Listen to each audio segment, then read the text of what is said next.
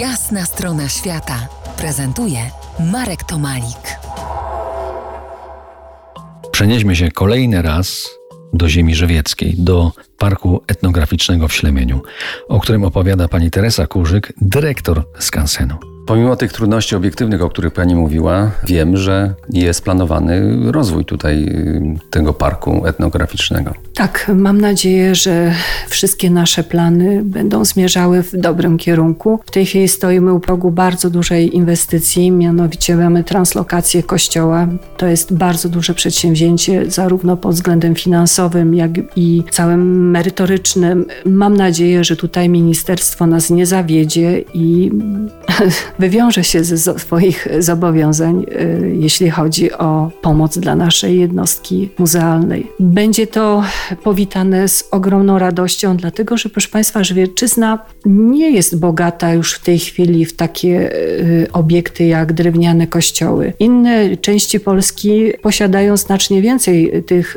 y, zabytkowych obiektów. Natomiast tutaj, no, zgodnie z, z reformami józefińskimi, no, większość tych kościołów została jednak rozebrana, powstały y, kościoły murowane y, według określonego, powtarzalnego projektu, więc każdy taki obiekt, który przybędzie na nasz y, teren, będzie naprawdę wielkim szacunkiem traktowany i z wielką przyjemnością odwiedzany. No jest to wyzwanie. A proszę powiedzieć, czym się charakteryzuje to budownictwo żywiecczyzny, jeżeli chodzi o takie domy mieszkalne? W związku z tym, co Państwu powiedziałam, jest to teren dosyć zróżnicowany i występują y, różnice nawet w tej architekturze pomiędzy poszczególnymi y, regionami. Taki najstarszy typ y, architektoniczny to są dawne szałasy pasterskie, które miały bardzo strome dachy z daleko wysuniętymi okapami, bo jest to wszystko związane z naszym klimatem, który tutaj w Beskidzie Żywieckim mamy.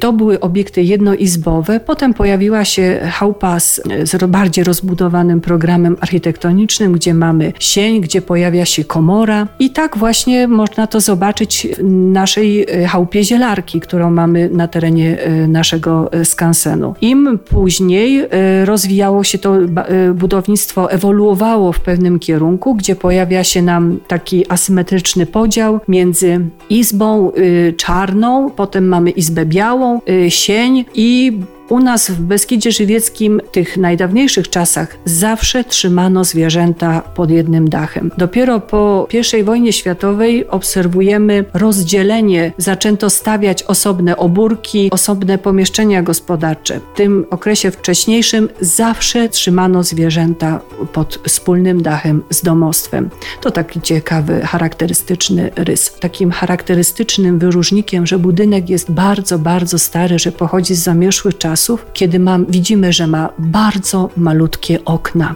Jest niski i ma właśnie ten charakterystyczny dach, mówimy półszczytowy i ma bardzo wysunięte poza obręb ścian okapy dachów. Tak jak powiedziałam, jest to związane y, z charakterystycznym klimatem. To jest jasna strona świata w RMF Classic.